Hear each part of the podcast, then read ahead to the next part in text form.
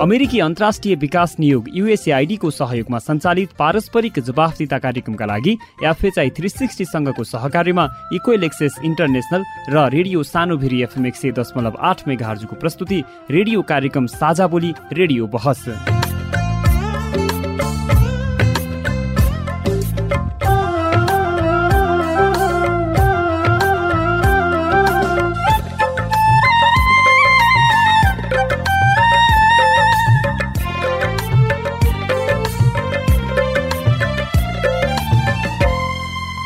नमस्कार साझाबोली रेडियो बहसमा तपाईँलाई स्वागत छ। म मनिष खड्गा। साझाबोली रेडियो बहसमा हामी नागरिक समाज आम सञ्चार माध्यम र सार्वजनिक निकाय बीचको पारस्परिक जवाफदिता र आपस सिद्धिको सम्बन्धका विषयमा बहस गर्छौँ। पारस्परिक जवाफदिताका क्षेत्रीय सवाल र परिवेश समेटेर तयार पारिएको साझाबोली रेडियो बहसको यो स्थानीय संस्करण हो। आजको साझाबोली रेडियो सानीभिर एफएम एक सय दशमलव आठ मेगाहर्जले उत्पादन गरेको हो। यो कार्यक्रम रोल्पा जिल्लाको रेडियो रोल्पा एफएमबाट पनि सुन्न सकिन्छ। साझाबोली रेडियो बहसको यस सत्रको यो स्थानीय संस्करणको बाइसौँ भाग हो। झन्डै चार वर्ष अघिदेखि प्रसारण भइरहेको साझाबोली यस वर्ष रेडियो बहसका रूपमा उत्पादन तथा प्रसारण सुरु भएको हो। साझाबोली रेडियो बहसको आजको भागमा स्थानीय तहमा स्वास्थ्य सेवाका विषयमा बहस गर्दैछौँ। स्थानीय सरकार सञ्चालन ऐन दुई हजार चौहत्तरले आधारभूत स्वास्थ्यको जिम्मा स्थानीय सरकारलाई दिएको छ। जसअनुसार स्थानीय सरकारले अस्पताल तथा अन्य स्वास्थ्य संस्था स्थापनादेखि सरसफाइ तथा पोषण सम्बन्धी नीति कानुन र मापदण्ड बनाउन सक्ने अधिकार छ। स्वास्थ्य सम्बन्धी अन्य प्रबन्धनात्मक कार्यक्रम पनि स्थानीय तहहरूले गर्न सक्छन्। आज हामी स्थानीय सरकार स्थापना भएदेखि हालसम्म स्वास्थ्य क्षेत्रमा भएका सुधारका प्रयासका बारेमा छलफल गर्दैछौँ। भौतिक संरचना निर्माण एक नम्बर। आठवटा चाहिँ आधारभूत स्वास्थ्य सेवा केन्द्र सञ्चालनमा छन्। हामी सँगै सरकारबाट नियुक्ति भएका स्वास्थ्य कर्मी हामी पैँतिसजना स्थायी कर्मचारी छौँ र चालिसजना चाहिने स्वास्थ्य कर्मी स्थानीय तहले नै नियुक्ति गरेर चलाएको छ। अर्को हामीले स्थानीय सरकारले तिनवटा बर्थिङ सेन्टर सञ्चालन गर्ने र भएका बर्थिङ सेन्टरलाई नर्सहरू हामीले व्यवस्था गऱ्यौँ स्वास्थ्य नीति बन्यो। त्यो स्वास्थ्य नीतिको आधारमा स्वास्थ्य ऐन पनि पारित भयो र ऐनको आधारमा हामीले चाहिने स्वास्थ्य संस्था सञ्चालन स्तर उन्नति अनुमति सम्बन्धी निर्देशिका पनि हामीले बनायौँ। त्यस्तै स्थानीय तहमा रहेका निजी स्वास्थ्य संस्थाको अनुगमन नियमनको कस्तो संयन्त्र छ भन्ने सिधा प्रश्नको सिधा जवाब पनि आज हामी खोज्नेछौँ। पहिले जस्तो थियो अहिले पनि त्यस्तै छ। स्वास्थ्य सेवा लिन जाँदा अस्पतालमा धेरै भने जस्तो औषधिहरू पाइन्नन् सानातिना बिरामीको औषधिहरू पाइन्छन् सिटामल जीवनजलहरू त दिन्छन् तर जटिल रोगका औषधिहरू पाइँदैनन् मेडिकलमा नै किन्न पर्छ। साथै प्रबन्धनात्मक स्वास्थ्य सेवा र सरोकारवालाको भूमिकाका विषयमा पनि आज हामी चर्चा गर्नेछौँ। सेवा प्रदायक र सेवा गराएको बिचको सेवाको विषयमा अन्तर्क्रिया कार्यक्रम प्रत्येक वार्डमा प्रत्येक गाउँपालिका प्रत्येक नगरपालिकामा राखेपछि त्यो जुन सेवा लिने र दिने बिचमा यो यो संस्थाबाट जुन हाम्रो यो पालिकाबाट यो सेवा पाउँछ र यो तपाईँहरूलाई यो मापदण्ड छ यो पुग्यो भने यो हुन्छ भन्ने हिसाबले त्यो भावना लिएपछि सेवा प्रदायक र सेवा लिने बिचमा अलिकति सम्बन्ध हुन्थ्यो। साझा बोली रेडियो बहस अमेरिकी अन्तर्राष्ट्रिय विकास नियोग युएसएआईडी मार्फत अमेरिकी जनताहरूको सहयोगका कारण सम्भव भएको हो। यस कार्यक्रमभित्रका विषयवस्तु र सामग्री पारस्परिक जवाबदेहिता कार्यक्रमका एकल जिम्मेवारी हुन्। र यहाँ प्रस्तुत भनाइले युएसएआईडी वा अमेरिकी सरकारको विचार प्रतिबिम्बित गर्छन् भन्ने जरुरी छैन। रेडियो कार्यक्रम साझा बोलीमा तपाईँलाई फेरि स्वागत छ। स्थानीय तहमा स्वास्थ्य सेवाका विषयमा कुराकानी गर्न यतिखेर कार्यक्रममा उपस्थित भइसक्नु भएको छ। रुकुम पश्चिमको मुसिकोट नगरपालिकाका स्वास्थ्य संयोजक मानबहादुर खत्री र नागरिक समाजका कृष्णबहादुर बुढा। यहाँहरू दुवैजनालाई रेडियो कार्यक्रम साझा बोलीमा हार्दिक स्वागत छ।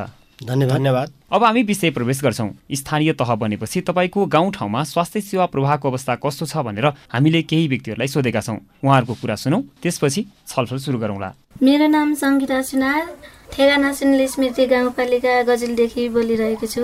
पहिले जस्तो थियो अहिले पनि त्यस्तै छ। स्वास्थ्य सेवा लिन जाँदा अस्पतालमा धेरै भने जस्तो औषधिहरू पाइन्नन्। सानातिना बिरामीको औषधिहरू पाइन्छन् सिटामल जीवनजलहरू त दिन्छन् तर जटिल रोगका औषधिहरू पाइँदैनन्। मेडिकलमा नै किन्न पर्छ। हामी जस्ता गाउँघरका दुखी गरिबले औषधिहरू किन्न नसकिकन टाढा अस्पताल जाने पैसा पनि हुँदैन। पैसा नभएको कारणले कतिपय व्यक्तिहरूले ज्यान पनि गुमाएका छन्। अप्ठ्यारो भइरहेको छ अब त्यही हो। मेरो नाम मनिषा सुनार ठेगाना परिवर्तन गाउँपालिका डुइराङ्सी स्थानीय तह भएदेखि त्यति धेरै कुराहरू परिवर्तन भएको जस्तो त लाग्दैन मलाई। केही कुराहरू अलिअलि परिवर्तन भए जस्तो नि लाग्छ। सामान्य बिरामीको औषधि चाहिँ बोरोफिन सितामल जीवनजल यताउति जस्ता चाहिँ अब निशुल्क नै पाइरहेको छ पहिलेदेखि नै। तर त्योभन्दा अन्य औषधि स्वास्थ्य संस्थामा नपाइँदाखेरि ए म त जान्न यही घरमै बसेर यही मर्छु भन्नुको कारणले पनि रोगी मान्छेहरूले उपचार पाइरहेका छैनन्। म मानबहादुरजीकोमा जान्छु। स्थानीय तह बनेपछि पनि स्वास्थ्य सेवा सुलभ भएन है? अँ, यहाँले भने जस्तै यो सुलभ नभएको त होइन। यो संहिता पछिको आम रूपमा चाहिँ नि परिवर्तन भएको भनेको स्वास्थ्यमा हो। अब किनभने म अहिले यहाँसँग केही उदाहरण दिन चाहन्छु। हामी संहिता लागू हुनुभन्दा अगाडि सङ्घीय सरकारले सञ्चालन स्वास्थ्य सेवालाई सञ्चालनमा लिइरहँदा हामीसँग मुसिकोट नगरपालिका हकमा भन्नुहुन्छ भने पाँचवटा स्वास्थ्य चौकी र दुईवटा सामुदायिक स्वास्थ्य इकाइ सातवटा थियो। र त्यसपछि जब हामी संहितामा गयौँ स्थानीय तहले स्वास्थ्य संस्था सञ्चालन गर्ने अधिकार पायो त्यसपछि हामी अहिले पन्ध्रवटा स्वास्थ्य संस्था सञ्चालन गरिरहेका छौँ। यसमा पनि आधारभूत स्वास्थ्य सेवासँगै आम नागरिकले घरबाटै घर नजिकै रहेको संस्थाबाटै सेवा पाएका छन्। तर नागरिकहरूले त्यो सेवाको महसुस चाहिँ किन गर्न नपाएका होलान्? यो मलाई के लाग्छ भने आम नागरिकको बुझाइ र अलिकति अपेक्षा फरक हुनसक्छ अब गाउँमा रहेको आधारभूत स्वास्थ्य सेवा केन्द्र भनेर हामी नाम लिन्छौँ। नामै आधारभूत स्वास्थ्य सेवा केन्द्र छ। त्यो ठाउँबाट विशेषज्ञ सेवा उपलब्ध हुँदैन। त्यहाँ चिकित्सक हुँदैनन् एक्सरे हुँदैन प्रयोगशाला परीक्षण हुँदैन। खालि त्यहाँ के हुन्छ त भन्दा आधारभूत रूपमा आम नागरिक बिरामी भइसकेपछि आम नागरिकलाई के भएको छ स्वास्थ्य परीक्षण गर्ने र त्यो स्वास्थ्य परीक्षण भइसकेपछि आवश्यकता अनुसारको औषधि दिने त्यहाँ हुन्छ। तर आम नागरिकको बुझाइ अझै पनि के छ भने हामी कहाँ चाहिँ अब म स्वास्थ्य संस्थामा गएँ भने त्यहाँ डक्टर पनि हुन्छ होला ल्याबको सेवा पनि हुन्छ होला एक्सरे पनि हुन्छ होला भन्ने आम बुझाइ हुन्छ। पहिला हामीसँग सातवटा स्वास्थ्य संस्था थिए अहिले पन्ध्रवटा भएका छन्। भनेर भन्नुभयो होइन? पहिलेको भन्दा झन्डै दुई गुणा बढी। स्वास्थ्य संस्थाहरू छन्। त्यसले गर्दाखेरि धेरै नागरिकको बिचमा स्वास्थ्य संस्थाहरू त पुगे। तर पनि नागरिकहरूलाई फेरि स्वास्थ्य संस्था स्थापना भएपछि धेरै ठुलो पो सेवा पाइहाल्ने हो कि भन्ने आशले गर्दा पनि त्यो आश नमेटिया हुनसक्छ भनेर भन्नुभयो। अब त्यहीँभित्र भएको सेवा पनि आधारभूत तहकै सेवा पनि राम्रोसँग नबाँडिँदाखेरि अथवा नागरिकले नपाउँदाखेरि पनि गुनासो बढेको हो भन्नेतर्फ चाहिँ कतिको चाहिँ स्वीकार गर्नुहुन्छ यहाँले? यो केही हदसम्म त्यो पनि हुनसक्छ। जहाँ कि अब स्वास्थ्य कर्मीले अ, स्वास्थ्य उपचारमा आउने हरेक नागरिकको स्वास्थ्य परीक्षण गर्दा कतिपय अवस्थामा के हुन्छ त भन्दा औषधि खान नपर्ने र केही चाहिने स्वास्थ्य सम्बन्धी सल्लाह दिएमा पुग्ने पनि हुन्छ। त्यो उहाँहरूको बुझाइ के हुन्छ भने अस्पतालमा गएर बिरामी भएपछि औषधि नै खाए ठिक हुन्छ कि अथवा औषधि नै पाउनै पर्छ कि भन्ने हुन्छ। तर मलाई लाग्छ आधारभूत स्वास्थ्य सेवामा हामीलाई आम नागरिकमा भएका स्वास्थ्य समस्या परीक्षण गर्दाखेरि यदि औषधि दिनुपर्ने अथवा अन्य परीक्षण गर्नुपर्ने हो भने उहाँहरूले पनि भन्नुहुन्छ तपाईँ योभन्दा माथिल्लो संस्थामा जानुहोस् भनिहाल्नुहुन्छ। तर मलाई के लाग्छ भने कतिपय स्वास्थ्य समस्याहरू स्वास्थ्य कर्मीको सल्लाहमै परामर्शमै ठिक हुन सक्छ। हो। त्यस्तो हुन्छ। र कतिपय स्वास्थ्य समस्या कस्ता हुन्छन् भने आफूले चाहिने घरमा बसेर खानपिन आफ्नो चाहिने र बसाइ त्यसपछि आएर आफ्नो चाहिँ स्वास्थ्य उपचार सम्बन्धी सरसल्लाह र आफ्नो हेरचाहले पनि केही स्वास्थ्य समस्याहरू समाधान हुन्छन्। मलाई के लाग्छ भने स्वास्थ्य संस्थाले अहिले चाहिँ स्थानीय तहमा सञ्चालन भएका हरेक स्वास्थ्य संस्थाबाट निशुल्क पाउने औषधिको अभाव मलाई लाग्छ कहीँ हुन्न जस्तो लाग्छ। धेरै मान्छेहरूलाई प्रश्न सोध्दै गर्दाखेरि तपाईँले कस्तो स्वास्थ्य सेवा पाइराख्नु भएको छ भनेर हामीले सोध्यौँ भने अहिले हामीले दुईजनाको कुरा पनि सुन्यौँ। औषधि पाइएन औषधि किन्नु पर्यो भनेर गुनासो गर्नुहुन्छ। कति प्रकारका अथवा कस्ता खालका औषधिहरू चाहिँ निशुल्क पाइने हो? अहिले चाहिँ नै पैँतालिस किसिमका हामीलाई चाहिँ योभन्दा अगाडि सङ्घीय सरकारले तोकेकै ढाँचामा पैँतालिस किसिमका औषधिहरू निशुल्क पाउने भन्ने छ। र यसमा पनि अहिले त स्थानीय तहले निशुल्क औषधिको सूचीमा पर्ने बाहेक अन्य चाहिने सशुल्कमा चाहिने पाइने औषधि पनि किनेर वितरण गरेको छ। र हुनसक्छ कति बेला चाहिँ स्टक आउट हुनसक्छ खरिद प्रक्रियामा समय समय लागेको अथवा केही समय चाहिने केही दुई चार दिन भण्डारमा अथवा स्वास्थ्य संस्थामा स्टक आउट भएको बेला पनि पर्न सक्नुहुन्छ। हुन्छ म यहाँकोमा एकछिनमा आउँछु। म कृष्णजीकोमा जान्छु। स्थानीय तह आइसकेपछि बाहिरबाट हेर्दाखेरि अहिले चाहिँ देखिने गरी केही थप चाहिँ छुट्टै व्यवस्था भएको अथवा देखिने खालको चाहिँ परिवर्तन भएको छ। सरकारी अस्पताल भनौँ जिल्ला अस्पताल प्राथमिक स्वास्थ्य केन्द्र त्यस्तै गरेर स्वास्थ्य चौकी र सहरी स्वास्थ्य केन्द्र र आधारभूत स्वास्थ्य केन्द्रहरू रुकुम पूर्व र रुकुम पश्चिम देखेको सन्दर्भमा पहिलाको भन्दा अहिलेको धेरै जनचेतना र स्वास्थ्य संस्थाबाट पाउनेहरू सेवा सुविधाहरू जस्तै मानव उदाहरणको लागि बर्थिङ सेन्टरमा बच्चा जन्माउनु पर्छ भन्ने यो जुन स्थानीय तहले जिल्लाले एडभोकेसी गरेका छ यो चाहिँ धेरै परिवर्तन भएको स्वास्थ्य संस्था बढ्नु मात्रै ठुलो कुरा रहेछ कि अथवा त्यहाँको सर्भिस डेलिभरीको कुरा सेवा प्रवाहको कुरा पनि बढेको छ? सेवा प्रवाहको कुरा पनि बढेको छ जस्तै सुनौल हजार दिनको आमा गर्भवती भएकोदेखि कम्तीमा नेपाल सरकारको प्रोटोकल अनुसार कम्तीमा चार वर्ष गर्भ जाँच गर्नुपर्छ भन्ने यस्ता कुराहरू जस्तै गाउँघर क्लिनिकमा वृद्धि अनुगमन गर्नुपर्छ भन्ने तौल्नुपर्छ बच्चाहरू तौल्नुपर्छ खानपिन पोषण सम्बन्धी खानपिनहरू हरेक बार खानाचार सम्बन्धी कुराहरू र अर्को कुरो स्वास्थ्य संस्थाहरूबाट सेवा दिइराख्नु भएको छ स्वास्थ्य कर्मीहरूले र अर्को बाटोमा वृद्धि भयो वृद्धि भयो। अब अहिलेको कुरालाई हेर्दाखेरि यति नै पुग्ने अवस्था हो कि अथवा चाहिँ यसमा अझै सुधारको आवश्यक छ खाँचो छ? मलाई के लाग्छ भने अझै सुधार गर्नुपर्ने देखिन्छ किनभने कस्ता कुराहरू चाहिँ अब ठ्याक्क त यहाँ तल्लो तहसम्म गएर काम गर्नुहुन्छ होइन? अब नागरिकहरूका आकाङ्क्षा एकातिर छन् नागरिकहरूले आफ्नो गाउँठाउँमा भएको स्वास्थ्य संस्थाले यसरी सेवा प्रवाह गरिदियोस् भन्ने राखेको चाहना एकातिर हुनसक्छ। सेवा प्रवाहको दर चाहिँ अर्कोतिर हुनसक्छ। ठ्याक्कै यो दुइटाको कुरालाई हेर्दाखेरि चाहिँ खासमा अहिले सेवा प्रवाह चाहिँ कसरी हुनुपर्थ्यो? के के कुराहरूलाई अलिक ध्यान दिनु पर्थ्यो जनशक्ति पनि कमी भएको अवस्था लाग्छ मलाई होइन? स्वास्थ्य संस्थाबाट सेवा दिने त दिइराख्नु भएको अवस्था छ तर जनशक्ति जस्तै अब त्यहाँको हुनसक्छ बर्थिङ सेन्टरमा आवश्यक पर्नेहरू त्यसपछि जुन प्राथमिक स्वास्थ्य केन्द्रको कुरा गरौँ। प्राथमिक स्वास्थ्य केन्द्रमा डक्टरहरूको दरबन्दी भए तापनि नभएको अवस्था देखेको छु मैले जनशक्तिको कुराहरू। अरू के कुराहरू चाहिँ सुधार र अर्को कुरो जुन सेवा दिने लिन आउनुहुन्छ दिने हाम्रो सहर मेमहरूले स्वास्थ्य कर्मीहरूले अलि त परामर्श गर्नुपर्ने जस्तो देख्छु मैले बुझाउने कुराहरू। म मानबहादुरजीकोमा जान्छु। यहाँले थोरै केही सुरुमा त पहिलेको भन्दा हामीले गरेका छौँ स्वास्थ्य संस्थाको वृद्धि भएको छ भन्ने कुराहरू त जोडिसक्नु भएको छ। मुसिकोट नगरपालिका स्थापना भइसकेपछि अथवा यहाँले भने जस्तो सङ्घीयता आइसकेपछि मुसिकोट नगरपालिकाले स्वास्थ्यमा देखिने गरी गरेका हासिल गरेका उपलब्धिहरू चाहिँ के हुन्? अब मैले यहाँलाई मैले अघि पनि सङ्केत गरेँ। स्थानीय तहमा हामी चाहिँ स्वास्थ्यको संरचना सबै जिम्मा लिने स्थानीय तहमै आइसकेपछि देखिने गरी हामीले गरेको भनेको अहिले भौतिक संरचना निर्माण। एक नम्बर जहाँ चाहिँ हामी अहिले आठवटा चाहिँ आधारभूत स्वास्थ्य सेवा केन्द्र सञ्चालनमा छन् त्यो सञ्चालन भएका आधारभूत स्वास्थ्य केन्द्र वडा नम्बर दसको चुनमा बाहेक अन्य चाहिने संस्था मुसिकोट नगरपालिकाले निर्माण गरेको छ। भौतिक संरचना एउटा वडा बाहेक? त्यो दस नम्बरमा संस्था हामीले भाडामा चलाएका छौँ। अथवा चाहिँ वडाकै स्वास्थ्य वडाको कार्यालयमै स्वास्थ्य संस्था सञ्चालन भएको छ। अरू चाहिने अब सातवटा संस्था चाहिँ हाम्रो भौतिक संरचना चाहिँ बनिसकेको छ त्यहाँ। नयाँ बनेको छ। एउटा त्यो।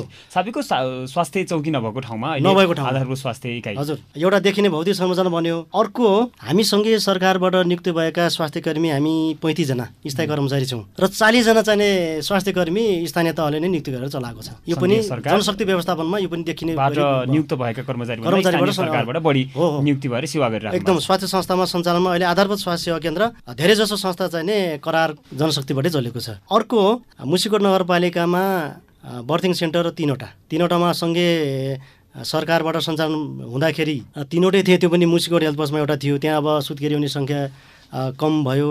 जम्मा वर्षमा पाँच छवटा मात्रै हुने भए छिबाङ भनेको चाहिँ हाइवेको छेउमा पऱ्यो पपुलेसन पनि त्यहाँ सेवा गराइ सङ्ख्या पनि बढी भएको चापलाई हेरेर हामीले चाहिँ छिबाङमा बर्थिङ सेन्टर सार्यौँ। त्यहाँ पहिलो वर्ष गत वर्ष हामीले असोजमा बर्थिङ सेन्टर सुरु गऱ्यौँ। त्यहाँ चालिसजना चाहिँ सुरक्षित सुत्केरी भए। भनेपछि हामीले स्थानीय सरकारले तिनवटा बर्थिङ सेन्टर सञ्चालन गर्ने र मुसिकोटलाई छिबाङ सार्ने र भएका बर्थिङ सेन्टरलाई जनशक्ति तिनवटा नर्सहरू हामीले व्यवस्था गऱ्यौँ बर्थिङ सेन्टर सञ्चालन गर्नलाई। त्यो चाहिने जनशक्ति व्यवस्थापन गऱ्यौँ र अहिले छिबाङमा नयाँ भवन निर्माण गर्ने भनेको स्थानीय तहको पहलमा भएको छ। यो पनि देखिने गरी काम हो स्वास्थ्यमा। र अर्को स्थानीय तहले स्वास्थ्यमा देखिने गरी गरेको भनेको स्वास्थ्य नीति। स्वास्थ्य नीति बनेको छ मुसिकोटमा होइन? स्वास्थ्य नीति बन्यो।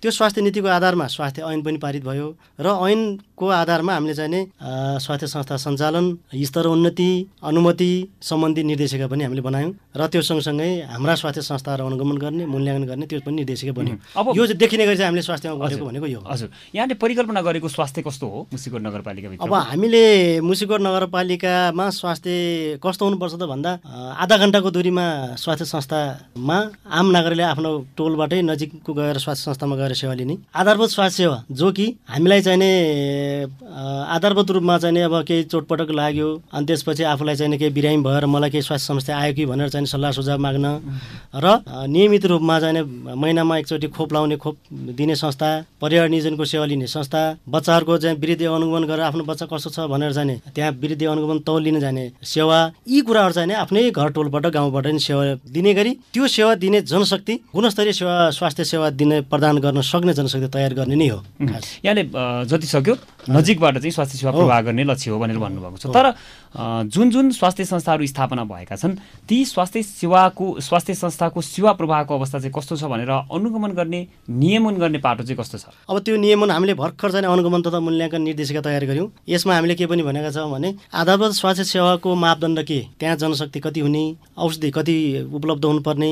उपकरणहरू कति हुनुपर्ने एउटा मापदण्ड चाहिँ बनाउनु पर्छ त्यो मापदण्ड नै हामीले चाहिँ अहिले मूल्याङ्कन गर्दैछौँ। र अर्को कुरा हामीलाई अहिले आधारभूत स्वास्थ्य सेवा सञ्चालन गर्दा जनशक्तिको अभाव। जहाँ कि हामीले चाहिँ करारमा नियुक्त गरेको एउटा दुईवटा जनशक्तिले हामीले सञ्चालन गरेका छौँ। यो जनशक्तिलाई हामीले अब स्थायी प्रकृतिको जनशक्ति स्थापना नहुँदासम्म हामीलाई अलिकति जनशक्तिको समस्या छ। र यो जनशक्ति व्यवस्थापन नै हामीलाई चाहिँ अहिले समस्या भइ भइरहेको छ। हामीलाई के छ भने कम्तीमा चाहिँ नि आधारभूत स्वास्थ्य सेवा केन्द्रमा पनि तिनदेखि चारजनाको जनशक्ति भइदियो भने अब हामीले गुणस्तरीय सेवा भनिरहेका छौँ। जनतालाई चाहिँ आम रूपमा चाहिँ हामीले सेवा लिन गएको संस्थाले हामीलाई चित्तबुद्ध स्वास्थ्य सेवा प्रदान गर्यो भन्ने महसुस चाहिँ जनतालाई हुने गरी त्यो सेवा चाहिँ हामी दिने तर्खरमा हामी छौँ। यहाँले माथिबाट हेर्दाखेरि व्यवस्थापन गर्नुभएको छ सुन्दाखेरि आनन्द पनि लाग्छ होइन? तलबसम्म सेवा प्रभाव भइरहेछ भन्ने। तर केही स्वास्थ्य संस्थाहरू लथालिङ्ग अवस्थामा छन् भन्ने गुनासो पनि आउँछ। त्यसले गर्दाखेरि नागरिकले सेवा पाउनुपर्ने सेवा पाइराखेका छन् भन्ने गुनासो पनि आउँछ। यसतर्फ चाहिँ नगरपालिकाको ध्यान गएको छ? अब यसको लागि हामी स्वास्थ्य संस्था स्थापना भएकै मितिदेखि एकजना जन स्वास्थ्य कर्मी विधामा पनि बस्न सक्छ बिरामी पनि हुनसक्छ त्यो अवस्थामा हामीले अबको दिनमा कम्तीमा पनि दुईवटा दुईजना चाहिँ जनशक्ति व्यवस्थापन गर्ने योजना छौँ हामी। जनशक्ति व्यवस्थापन हाम्रो चाहिँ अब अहिलेको चाहिँ चुनौती छ। नयाँ जनशक्ति लिएर चाहिँ हामी काममा लगाउने अवस्थामा त छैनौँ। तर हामी चाहिँ अब भएको जनशक्तिलाई जहाँ चाहिँ स्वास्थ्य संस्थामा आवश्यकता अनुसार त्यहीँ भएको जनशक्तिलाई अन्य अभाव भएको जनशक्ति भएको ठाउँमा चाहिँ व्यवस्थापन गरेर पनि हामी सेवा सञ्चालन गर्छौँ। हजुर बजेटको व्यवस्था कस्तो छ? बजेट स्वास्थ्यमा अहिले मुसिकोट नगरपालिकाले हामीले हामीले मागे अनुसार र हामीले चाहिँ स्वास्थ्य क्षेत्रमा यो व्यवस्था गर्नलाई बजेट चाहिन्छ है भन्ने जति हामीले पाएका छौँ।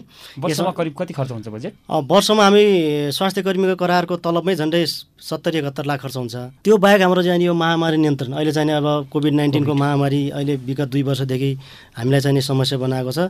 यो महामारी नियन्त्रणको लागि यो वर्ष हामीले तिस लाख रुपियाँ छुट्याएका छौँ। म कृष्णजीको आउँछु सुरुमा। अहिलेको सन्दर्भमा चाहिँ अरू अब नीतिगत सुधारको पाटो पनि केही देखिन्छ कि तल्लो तहमा? अथवा चाहिँ ठ्याक्कै अब के के कुराहरूलाई चाहिँ अलिक बढी जोड दियो भने नजिकको स्वास्थ्य संस्थाबाट चाहिँ सजिलै नागरिकहरूले सेवा पाउन सक्छन्? स्वास्थ्य र हाम्रो पोषण नभई नहुने हाम्रो बौद्धिक विकास गर्नको लागि हामीलाई यो आवश्यकता हो। जुन त्यतिखेरको अवस्थामा पोषणमा हामीले पालिका होस् अथवा नगरपालिकाले होस् अथवा प्रदेशले होस् अथवा सङ्घले होस् जुन नीतिगत कुराहरू विषयलाई छलफल गरेर उहाँले गराएको नीतिगत कुराहरू सबै हामी पालिकाहरूले सबै जिल्लाले बनाएपछि एकदमै त्यसलाई कार्यान्वयन सबभन्दा कार्यान्वयन गर्ने ठुलो हो। अब कार्यान्वयन गऱ्यौँ भने हामी पक्क नै हाम्रो समुदायबाट समुदाय स्तरका पिछडिएका हुन्छन् अथवा कुना काप्चामा भएको उहाँहरूले चाहिँ सेवा पाउने चाहिँ त्यो नीतिबाट सेवा गराएकोले पाउने सक्छन्। तपाईँ अहिले पारस्परिक जवाबसिता प्रबन्धनका लागि साझा बोली रेडियो बहस सुन्दै हुनुहुन्छ। हामी कुरा गरिरहेका छौँ स्थानीय तहमा स्वास्थ्य सेवाका विषयमा। हामीसँग हुनुहुन्छ रुकुम पश्चिमको मुस्सीकोट नगरपालिकाका स्वास्थ्य संयोजक मानबहादुर खत्री र नागरिक समाजका कृष्णबहादुर बुढा। यतिन्जेल हामीले स्थानीय तहले स्वास्थ्य सेवालाई नागरिकको घर आँगनबाट प्रवाह गर्न तथा सेवालाई प्रभावकारी बनाउन गरेका प्रयासका विषयमा छलफल गरेका छौँ। यो छलफलबाट हामी स्थानीय तहले भौतिक संरचना निर्माणदेखि जनशक्तिको व्यवस्थापनका लागि बजेट तथा नीति कार्यक्रममा जोड दिएको र त्यसको नतिजा पनि सकारात्मक रहेको र यसलाई थप बढाउँदै लैजानुपर्छ भन्नेमा सहमत भएका छौँ। साझा बोली रेडियो बहसमा अझै हामी निजी स्वास्थ्य संस्थाको सेवालाई प्रभावकारी बनाउनका लागि अनुगमन र नियमनको विषयमा छलफल गर्नेछौँ। हामीसँगै रहनुहोला रेडियो कार्यक्रम साझा बोलीमा स्थानीय तहमा स्वास्थ्य सेवाका विषयमा सवाल जवाब सुन्दै हुनुहुन्छ। हामीसँग हुनुहुन्छ रुकुम पश्चिमको मुस्सीकोट नगरपालिकाका स्वास्थ्य संयोजक मानबहादुर खत्री र नागरिक समाजका कृष्ण बहादुर बुढा यतिन्जेल हामीले स्वास्थ्यमा स्थानीय तहले गरेका प्रयासका विषयमा छलफल गरेका छौँ। अब हामी निजी स्वास्थ्य संस्थालाई कसरी सेवामुखी बनाउने र यसका लागि अनुगमन तथा नियमनका विषयमा छलफल गर्दैछौँ। म फेरि अब मुस्सीकोट नगरपालिकाकै कुरा जान्न चाहन्छु।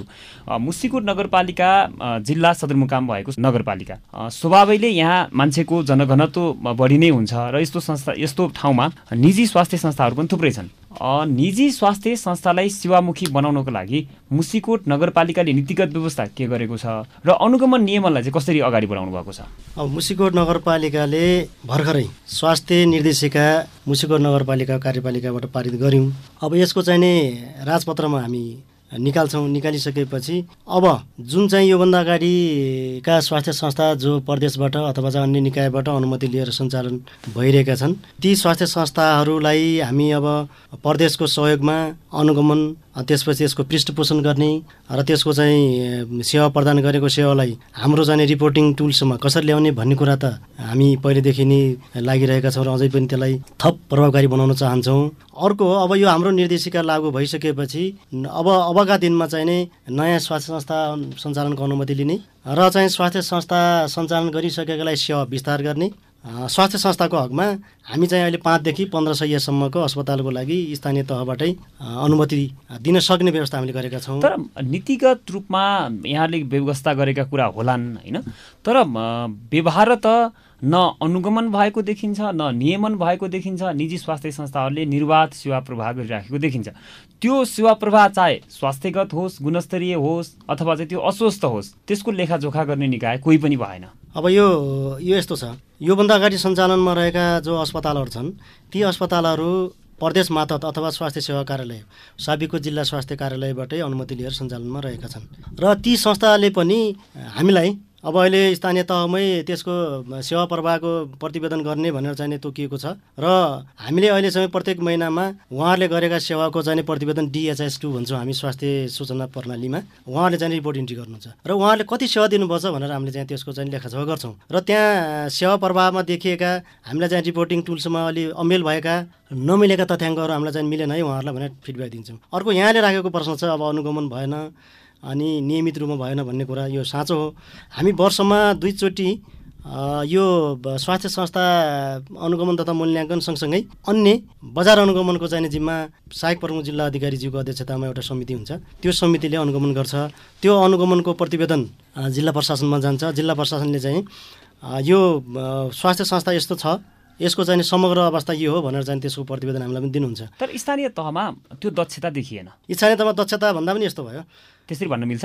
त्यो भन्न मिल्दैन किनभने अब यो स्थानीय तहबाट सञ्चालन हुने स्वास्थ्य संस्थाको हकमा जिम्मेवारी हामी लिन्छौँ। जो प्रदेशबाट अनुमति लिएर सञ्चालनमा रहेको संस्थाको अनुमति दिने पनि प्रदेशले चाहिँ कोहीलाई एक वर्ष आफ्नो स्थानीय तहभित्र सञ्चालित भएका स्वास्थ्य संस्थाहरूको सेवा प्रवाहमा कहीँ चित्त बुझेन अथवा चाहिँ शङ्का लाग्यो भने माथिल्लो निकायमा रिपोर्ट आग्रह गर्ने त्यस्तो व्यवस्था रहन्छ कि एकदम त्यो सिफारिस गर्न हामी पाउँछौँ। कस्तो अवस्था भन्छ भने अनुगमन गरी अनुगमनबाट देखिएका त्रुटिहरू र सच्याउनु पर्ने कुराहरूमा यो यहाँ यस्तो देखियो यसलाई सच्याउनु पर्छ भन्ने कुरा चाहिँ हामी त्यो सिफारिसको रूपमा हामी गर्छौँ। कोरोना भाइरसको दोस्रो लहर जति बेला फैलियो त्यसले बढी रूपमा चाहिँ क्षति गर्न थाल्यो। होइन त्यो त्यसको सङ्क्रमण दर पनि बढिरह्यो र त्यसले मृत्युदरलाई पनि बढायो जिल्लाको सन्दर्भलाई हेर्दाखेरि। र अन्तिम अवस्थामा चाहिँ बिरामीहरू आएकै कारणले धेरै मान्छेको मृत्यु हुन पुग्यो भनेर जिल्ला अस्पतालका स्वास्थ्य कर्मीले निष्कर्ष निकाले। त्यसको एउटा प्रमुख कारण के रह्यो भने गाउँमा रहेका निजी स्वास्थ्य संस्थाले अन्तिमसम्म झुलाएर राख्ने विभिन्न औषधि प्रयोग गर्ने उपाय नलागेपछि जिल्ला पठाउने त्यसपछि पनि धेरै मान्छेको डेथ भयो भनेर एउटा निष्कर्ष देखियो। अब यो त आगामी दिनमा पनि रहन सक्छ। यस्ता सङ्क्रमण अहिले फेरि अर्को सङ्क्रमण फैलिन सक्ने भनिएको छ। त्यो सङ्क्रमण आयो भने पनि त्यसले त यहाँ बाधा नै गर्ने भयो। त्यसपछि अरू विभिन्न किसिमका सङ्क्रामक रोगहरूमा पनि स्थानीय स्तरमा रहेका निजी स्वास्थ्य संस्थाहरू गैर जिम्मेवार भइदिँदाखेरि त त्यसले मानवीय जनजीवनमा क्षति गर्ने भयो। हो। हो यसतर्फ त स्थानीय तहले त नीतिगत रूपमा स्पष्ट व्यवस्था गर्नुपर्ने होला नि। हो यहाँ यहाँ यहाँले भने जस्तै हामीले पछिल्लो निर्देशिकामा लेखेका छौँ योभन्दा अगाडि अनुमति लिएर सञ्चालन भएका स्वास्थ्य संस्था र योभन्दा पछि अनुमति लिन आउने स्वास्थ्य संस्थाको हकमा भनेर हामीले केही कुरा लेखेका छौँ। के कुरा हाम्रो स्थानीय तहले राखेका मापदण्ड उहाँहरूले पनि पुरा गर्नैपर्छ। र यहाँले भने जस्तै गत वर्षमा चाहिँ कोभिड नाइन्टिन सङ्क्रमण फैलिसकेपछि सङ्क्रमण हो कि होइन भने पहिचान नगरी उपचार गर्दै गर्दा अन्तिममा सङ्क्रमण पुष्टि हुने कतिसम्म भने एउटै बिरामीलाई प्रयोग गरेको सिरिन्ज पटक पटक अरू बिरामीलाई पनि प्रयोग गरेको पाइयो। त्यो त्यो गुनासो संस्था बन्द पनि गरियो। त्यो त्यो गुनासो आएको त्यो गुनासो आएको हो र कतिपय स्वास्थ्य संस्थामा त्यो भएको पनि होला। मलाई त के लाग्छ भने स्वयं चाहिँ सेवाग्राही पनि सचेत हुनुपर्छ स्थानीय तहले खुल्ला छोडिदिए। जसले नियमन गर्ने हो त्यसले खुल्ला छोडिदिए त एउटा सेवाग्राहीको के दोष त्यहाँ? हो। त एउटा भगवान् सम्झेर स्वास्थ्य संस्थामा पुग्छ। हो त्यति बेला त्यति बेला हामीले यो निर्देशिका जारी के अरे तयार गरेका पनि थिएनौँ।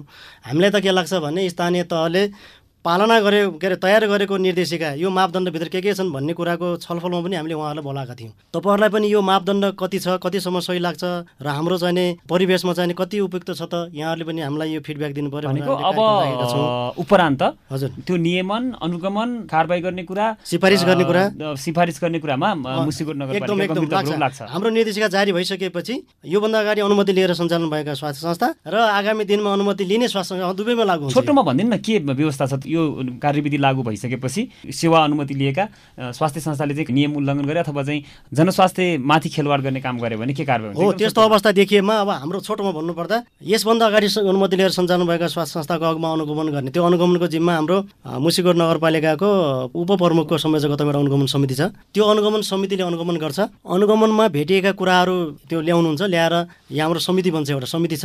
अनि त्यो समितिले उहाँहरूलाई चाहिँ केही दिनसम्म यो तपाईँहरूका देखेको समस्या यो भयो यसलाई सच्याउनुहोस् भनेर समय दिन्छ। त्यसपछि पनि यदि फेरि अनुगमन गर्ने क्रममा पहिलेकै रूपमा राखेर अब चाहिँ यो यदि सम्बोधन गरेको देखिएन भने हामी चाहिँ सम्बन्धित निकायमा सिफारिस गर्छौँ एउटा। अर्को नयाँ चाहिने जो हामी अहिले अनुगमन गर्दैछौँ त्यो स्वास्थ्य संस्था त्यो अनुगमन अनुमति लिनलाई पनि सबभन्दा पहिला स्थलगत अनुगमन गरी त्यो संस्था त्यहाँ स्थापना हुन उपयुक्त छ कि छैन?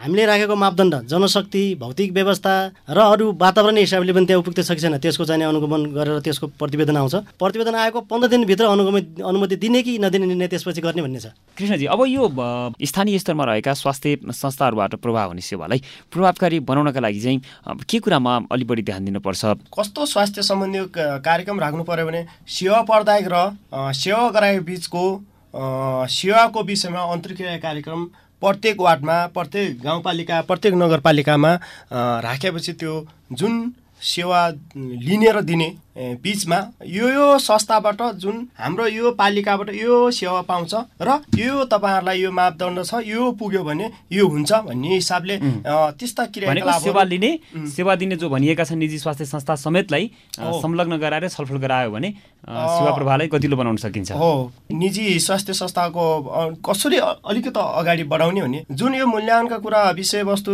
गर्नुभएको थियो उहाँ सरले जुन अब विशेष गरी अब उहाँहरूले नै अलिकति सक्रियता भएर अगाडि बढेर ल है यो कार्यक्रम यो स्वास्थ्य संस्थामा अनुगमन गर्नुपर्छ स्वास्थ्य शाखालाई सहयोग गर्नुपर्छ भन्ने हिसाबले उहाँहरूले त्यो भावना लिएपछि सायद पक्क नै अलिकति हाम्रो सेवा प्रदायक र सेवा लिने बिचमा अलिकति सम्बन्ध हुन्थ्यो जस्तो लाग्छ मलाई। भनेको अहिले भएका निजी स्वास्थ्य संस्थाहरूलाई सेवामुखी बनाउनको लागि अझै स्थानीय तहले भूमिका खेल्नु पर्यो।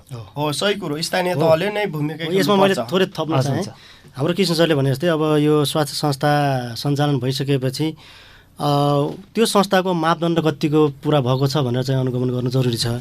अब हाम्रो नगरपालिकाभित्र रहेका पाँचवटा हेल्थ पोस्टको हकमा कुरा गर्नुहुन्छ भने स्वास्थ्य संस्थाको न्यूनतम सेवा मापदण्ड भनेर हाम्रो सरकारले नै जारी गरेको छ। सङ्घीय सरकारले नै जारी गरेको मापदण्ड छ। त्यो मापदण्डमा के छ भन्नुहुन्छ भने जनशक्ति कति हुने औषधि औषधि उपचार गर्ने साधनहरू त्यो औषधिको प्रकार कति हुने अनि उपकरण र त्यो सेवा प्रदान गर्दा उपकरण कस्ता हुने? र त्यो सेवा प्रदान गर्ने सेवा प्रदायक र सेवा लिन आउने सेवा गराई बिचको सम्बन्धलाई समुदुर बनाउनको लागि त्यो व्यवस्थापन गरिएको जो व्यवस्थापन समिति छ त्यो व्यवस्थापन समितिले त्यो संस्थामा सेवा सञ्चालन गर्नलाई कस्तो व्यवस्थापन गर्ने भनेर चाहिँ केही निर्दिष्ट गरेका चाहिँ मापदण्ड छन्। त्यो मापदण्ड पुरा भएको नभएको हामी वर्षमा दुईचोटि हेर्छौँ। त्यो पनि चाहिने निजी स्वास्थ्य संस्थामा लागु हुनुपर्छ भन्नेमा हामी छौँ। हो कुनै स्वास्थ्य संस्था खोल्नको लागि निश्चित मापदण्ड पुरा गर्नुपर्छ र भएका मापदण्ड पनि समय समयमा मापदण्ड पुरा भएका छन् त्यसलाई चाहिँ अनुगमन गर्ने चाहिँ नि संयन्त्र बनाउनुपर्छ भन्ने छ। साझापुरी रेडियो बसमा अहिले हामी कुरा गरिरहेका छौँ स्थानीय तहमा स्वास्थ्य सेवाका विषयमा। यो विषयमा छलफलका लागि हामीसँग हुनुहुन्छ रुकुम पश्चिमको मुसिकोट नगरपालिकाका स्वास्थ्य संयोजक मानबहादुर खत्री र नागरिक समाजका कृष्णबहादुर बुढा। यतिन्जेल हामीले आधारभूत स्वास्थ्य सेवालाई नागरिकको घर दैलोमै प्रभावकारी र विश्वसनीय रूपमा पुर्याउनका लागि स्थानीय तहले गरिरहेको प्रयास निजी स्वास्थ्य संस्थामाथिको अनुगमन र नियमनका विषयमा छलफल गऱ्यौँ। अझै हामी प्रवर्धनात्मक स्वास्थ्य सेवालाई कसरी अगाडि बढाइएको छ र सरोकारवाला निकायको सहकार्यका विषयमा छलफल गर्नेछौँ। साझा बोली रेडियो बहस सुन्दै गर्नुहोला। कार्यक्रममा अब भने प्रबोधनात्मक स्वास्थ्यको महत्त्व र स्थानीय तहले यसमा गरेको लगानी तथा सरोकारवाला निकायको सहकार्यका विषयमा छलफल गर्छौँ। म अब कृष्णजीकोमा जान्छु। यहाँले लामो समयदेखि नागरिक समाज संस्थाको तर्फबाट स्वास्थ्य प्रबोधनात्मक कार्यक्रमहरू अगाडि बढाइराख्नु भएको छ होइन? मान्छेलाई स्वस्थ राख्नको लागि स्वास्थ्य संस्थासम्मै मान्छेलाई नपुग्ने अवस्था बनाउनको लागि चाहिँ यो प्रबोधनात्मक स्वास्थ्य सेवाले कस्तो महत्त्व खेल्छ? यो एकदमै महत्त्व खेल्छ। विशेष गरी यो हाम्रो मानवलाई नभई नहुने यो स्वास्थ्य तथा पोषण सम्बन्धीको क्रियाकलाप अथवा होइन यो जुन काम हामीले गर्नै पर्छ सरसफाइ कुराहरू त्यस्तै खानपिनका कुराहरू त्यस्तै गरेर लैङ्गिक तथा सामाजिक समावेशीय कुराहरूको अवस्था कस्तो छ भन्ने हिसाबले हामीले यो जुन हाम्रो विषयवस्तुमा छलफल भइरहेछ। सचेतनाको पाटो बढी जोड्नु पर्यो भन्ने यहाँको जोड त। अहिलेको सन्दर्भमा हेर्दाखेरि कस्तो किसिमको स्वास्थ्य चाहिँ अब हामीलाई चाहिँ स्वास्थ्य शिक्षा चाहिँ आवश्यक छ? जनचेतनाको कार्यक्रमहरू स्वास्थ्य सम्बन्धीको जनचेतनाको कार्यक्रम। मेन गर्नुपर्ने देखिन्छ। त्यसै बल्ल भौतिक पूर्वाधार त्यसपछि जनशक्तिको आवश्यकता पर्छ। जनचेतनाका रूपमा हेर्दाखेरि कस्तो सूचना चाहिँ अथवा कस्तो चेतना चाहिँ हामीले पाउन आवश्यक छ? अब जनचेतना कस्तो भनेपछि जुन अगाडि योभन्दा अगाडि पनि सेवा गराएको र सेवा लिने बिचमा छलफल गर्ने भन्ने नियमित समन्वय सम्बन्ध भइराख्नु सम्बन्ध भइराख्नु पर्यो। त्यसरी अहिले जुन हाम्रो कोभिड उन्नाइस सम्बन्धीको विद्यालय विद्यालयमा स्वास्थ्य समुदायमा आमा समूहमा गएर हामीले यस्ता कुराहरू जनचेतनाका का कुराहरू र अर्को कुरो स्वास्थ्य संस्थाबाट पाउनेहरू कुन कुन सेवाहरू पाउन सक्छौँ र अर्को कुरो यो जुन स्थानीय तह अथवा समुदायले गर्नुपर्ने क्रियाकलाप पनि हामीले जुन सेवा सेवा लिने व्यक्तिले मापदण्ड पनि पुर्याएपछि मात्रै स्थानीय सरकार अथवा नगरपालिकाले जुन हामीलाई सेवा दिने लिने सबै कुराहरू मापदण्ड मिल्यो भने अलिकति स्वास्थ्य र पोषण सम्बन्धीकोमा विषयमा अलिकति हामी यो रुकुमलाई अझै अगाडि बढाउन सक्छौँ कि भन्ने लागेको हो यहाँले अलिक बढी भौतिक संरचनादेखि भौतिक संरचनाको पाटो भन्दा पनि सचेतनाको पाटोलाई जोड दिनुहुन्छ होइन? नागरिक समाज संस्थाको तर्फबाट। अब स्थानीय सरकारले ठ्याक्क के कुरामा चाहिँ अलिक बढी जोड गर्यो भने चाहिँ यहाँहरूले देखेको सपना जो छ नि यहाँले पनि त केही परिकल्पना गर्नुभएको छ समाज कस्तो बनाउने कस्तो किसिमको स्वास्थ्य शिक्षा दिने भनेर। अब त्यसको लागि चाहिँ स्थानीय सरकारले के कुरामा चाहिँ ध्यान दिनुपर्नेछ सरकारले विशेष गरी एउटा अनुगमनको पाटोलाई प्राथमिक दिनुपर्छ। जुन जनशक्ति पनि अलिकति कम भएको देखेको छ व्यवस्थापन गर्नु पर्यो पालिकाले। र अर्को हाम्रो जुन आजभोलि जुन अब यो दसदेखि उन्नाइस वर्षको किशोरहरूलाई आइरन फोलिक एसिड भन्ने एउटा नेपाल सरकारको स्थानीय तहकै नै कार्यक्रम छ होइन? त्यो कार्यक्रममा पनि अलिकति यो कोभिड उन्नाइसले गर्दा योभन्दा अगाडि हामीले खुवाउने न नसकेको अवस्था छ। अब यसलाई पनि जुन यो विशेष गरी यो नेपाल सरकारको कार्यक्रम किनभने आइरन अति आवश्यक पर्छ दसदेखि उन्नाइस वर्षको किशोरहरूलाई। यसमा पनि हामीले यो कार्यक्रमलाई पनि सबै स्थानीय तहले अगाडि बढाएपछि झनै राम्रो हुन्थ्यो भन्ने लागेको छ। म आउँछु।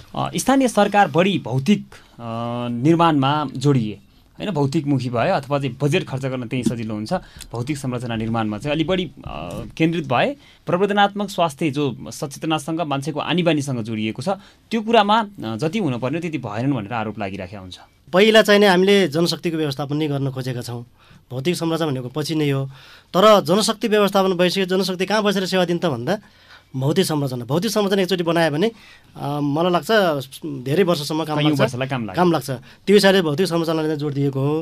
अब अर्को प्रवर्धनात्मक सेवामा हामीले कुरा गर्दै गर्दा हामी जति चाहिँ आधारभूत स्वास्थ्य सेवामा काम गर्छौँ स्वास्थ्य कर्मी जनशक्ति त्यो भनेको चाहिँ उपचार भनेको चाहिँ कमै गर्ने हो।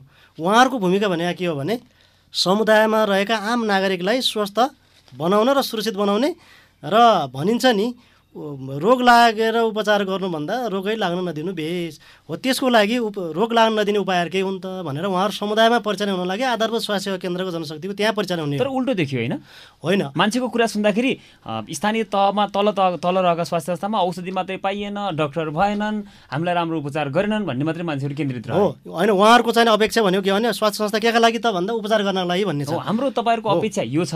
हामीले दिने सेवा यो हो भनेर। पनि त्यहाँ तलको स्वास्थ्य कर्मीले बुझाउन नसकेका एकदम। उहाँ उहाँहरूलाई मैले के त्यही भएर के भन्छु भने आधारभूत स्वास्थ्य सेवा केन्द्रमा काम गर्ने सबै जनशक्ति स्वास्थ्य जनशक्ति के हो त भन्दा स्वास्थ्य संस्थामा नि बस्ने हो। त्यो चाहिँ प्राथमिक उपचार गर्ने हो र स्वास्थ्य संस्थाले के सेवा दिन्छ त्यो सेवा चाहिँ दिने प्रदान गर्न तयार हुने हो। उहाँहरूको मुख्य गरी काम के हो त भन्दा स्वास्थ्य आमा समूहको बैठकमा भाग लिने महिला स्वास्थ्य स्वयंसेवकलाई परिचालन गर्ने र आम रूपमा स्वास्थ्य सेवा लिन आएका सेवाग्राहीलाई उपचारको सँगसँगै घरमा आफू स्वस्थ र सुरक्षित कसरी रहने आफ्नो परिवार कसरी स्व- स्वस्थ सुरक्षित रहने भन्ने कुराको जानकारी दिने परामर्श दिने सल्लाह दिने विशेष चाहिँ। देखिएन होइन जस्तो नागरिक समाज संस्था कुनै एनजिओ भनौँ आइएनजिओमा काम गर्ने मान्छेहरू आमा समूहमा जान्छन् अर्को चाहिँ अर्को समूह बनाछन् अर्को समूह बनाएर छलफल गरेका छन् तर सरकारी स्वास्थ्य संस्थामा काम गर्ने मान्छे अहिलेसम्म कुनै समूहमा गएर छलफल गरेको अथवा चाहिँ सहकारीमा गएर छलफल गरेको मासमा गएर सबै। सबैमा नहोला कतिपय स्वास्थ्य संस्था स्वास्थ्य कर्मीहरू त जानुहुन्छ। किनभने जो फिल्डमा खटिनुहुन्छ नि गाउँघर क्लिनिक यहाँले केही मापदण्ड बनाउनु भएको छ। आधारभूत स्वास्थ्य सेवाले महिनामा चाहिँ यति यति सेवा प्रवाह गर्ने र यति समय चाहिँ अ, सेवाग्राहीको बिचमा गएर चाहिँ उनीहरूलाई परामर्श गर्ने सचेतनाको पाटो फैलाउने भनेर। यो यो यस्तो छ। हामीले खोप केन्द्रमा बच्चाहरूलाई खोप लाउन आएका हरेक आमालाई चाहिँ खोप केन्द्रमै परामर्श दिने व्यवस्था छ। अर्को गाउँघर क्लिनिक जो महिनामा एक दिन गाउँघर क्लिनिक सञ्चालन छ त्यहाँ पनि चाहिँ पोषणको परामर्श हुन्छ। र हरेक वडामा हरेक टोलमा रहेका महिला स्वास्थ्य स्वयंसेवक आमा समूह बैठक हुन्छ। त्यो आमा समूह बैठकमा स्वास्थ्यकर्मी अनिवार्य उपस्थित भएर महिला स्वास्थ्य स्वयंसेवकलाई सल्लाह र परामर्शमा सहयोगी भूमिका खेल्ने भन्ने नै छ।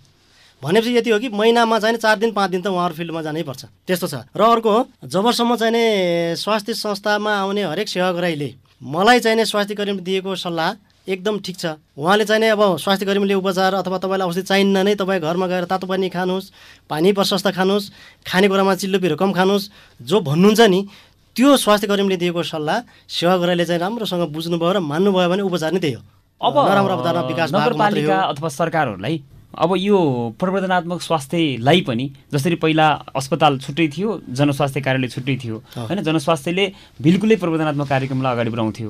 अब स्थानीय तहको पनि त्यसै ध्यान गएको एकदम हो। त्यो स्थानीय तहको ध्यान त्यसरी पनि गयो। अर्को कुरा चाहिँ सङ्घीय सरकारको पनि अब अवधारणा कस्तो आयो भने हरेक चाहिँ विद्यालयमा विद्यालय नर्सको व्यवस्था गर्ने। अहिले हामीले मुसिको नगरपालिका दसजना विद्यालय नर्स हुनुहुन्छ।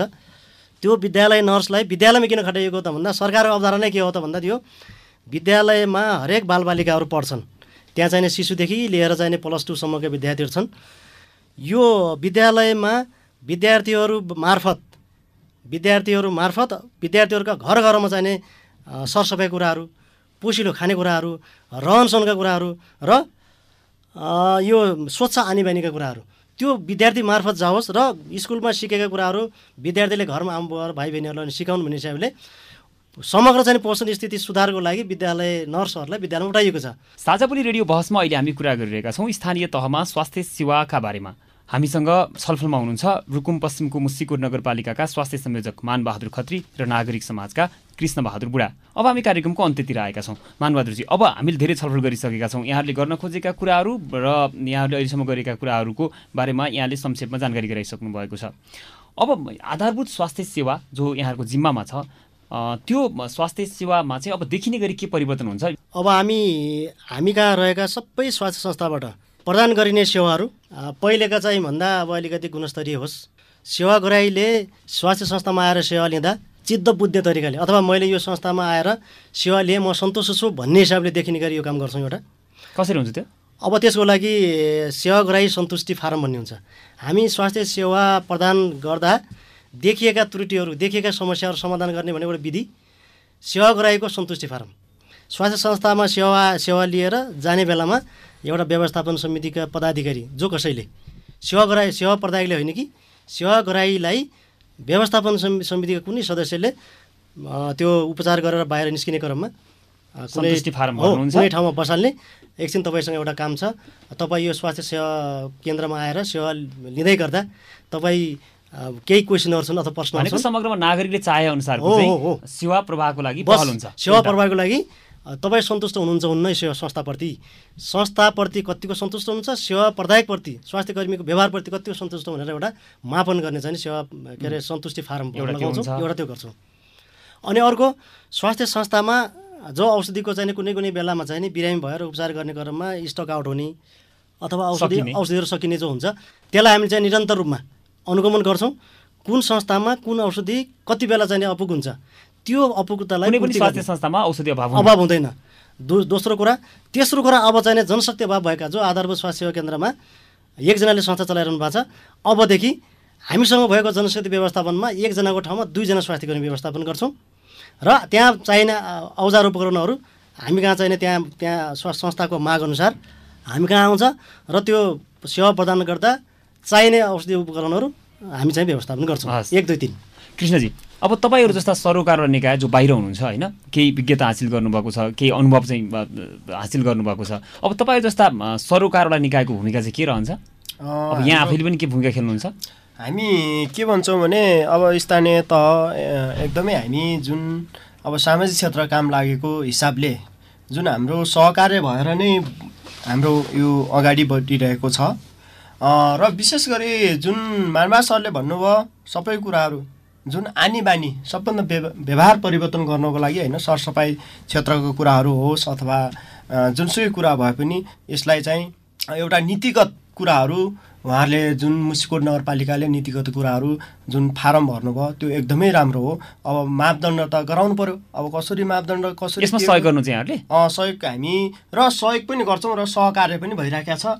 जुन मानवा सरले योभन्दा अगाडि भन्नुभएको थियो महिला समूह महिला आमा समूहमा महिला स्वयंसेविकालाई सहयोग गर्ने त्यसपछि सरसफाइ कुराहरू जुन पोसिलो खाना प्रदर्शनी कुराहरू त्यो हाम्रो अ, जुन रुक्मे समाज विकास केन्द्र रुकुमद्वारा सञ्चालित सुहारा कार्यक्रमले पनि हाम्रो जुन स्वास्थ्य कर्मी जुन सामुदायिक स्वास्थ्य केन्द्र होस् अथवा स्वास्थ्य चौकीका सर अथवा सिस्टरहरू होस् उहाँहरू मिलेर संयुक्त रूपमा यो जुन भइराखेको अवस्था छ कामहरू भनेको यसमा तपाईँहरूको भूमिका अबका दिनमा पनि देख्न सकिन्छ।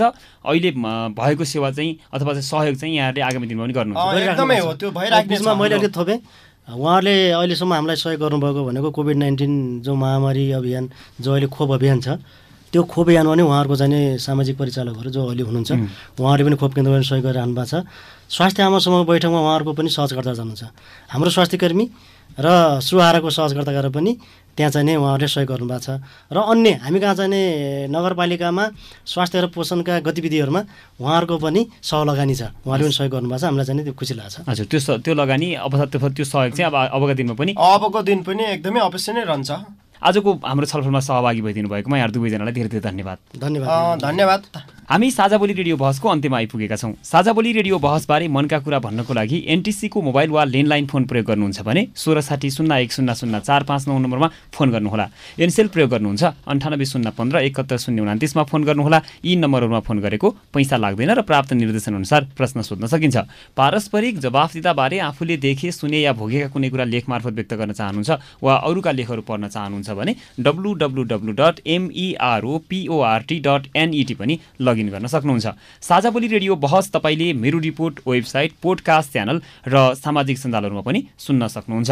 हवस् त आजको साझा बोली रेडियो बहसबाट अब विदा हुने बेला भयो। आज हामीले स्थानीय तहमा स्वास्थ्य सेवाका विषयमा कुराकानी गऱ्यौँ। आजका हाम्रा अतिथि रुकुम पश्चिमको मुसिकोट नगरपालिकाका स्वास्थ्य संयोजक मानबहादुर खत्रीले नगरपालिकाले नगरवासीलाई गुणस्तरीय स्वास्थ्य सेवा घर दैलोबाटै दिने उद्देश्यले स्वास्थ्य संस्था नभएका ठाउँमा आधारभूत स्वास्थ्य इकाइ स्थापना गर्नेदेखि जनशक्तिको व्यवस्थापन नीति कार्यक्रम र बजेटमा स्वास्थ्यलाई प्राथमिकतामा राख्ने सम्मका काम गरेको र आगामी दिनमा पनि स्वास्थ्य सेवालाई सर्वसुलभ र गुणस्तरीय बनाउनका लागि पहल गर्ने प्रतिबद्धता जनाउनु भयो त्यस्तै अर्का अतिथि नागरिक समाजका कृष्ण बहादुर बुढाले स्वास्थ्य सेवालाई सहज बनाउनका लागि आफूहरूले स्थानीय तहहरूसँग समन्वय गरिरहेको र आगामी दिनमा पनि त्यसलाई निरन्तरता दिँदै जाने वचन दिनुभएको छ। आशा छ यी प्रतिबद्धताहरू पुरा हुनेछन्। यतिन्जेल ध्यान दिएर कार्यक्रम सुन्नुभएकोमा तपाईँलाई धन्यवाद। आगामी हप्ता पनि आजको जस्तै समयमा सार्वजनिक जवाफदिताको अर्को विषयमा छलफल लिएर आउनेछौँ। सुन्न नबिर्सनुहोला। आजको कार्यक्रमबाट म मनिष विदा भएँ। नमस्कार।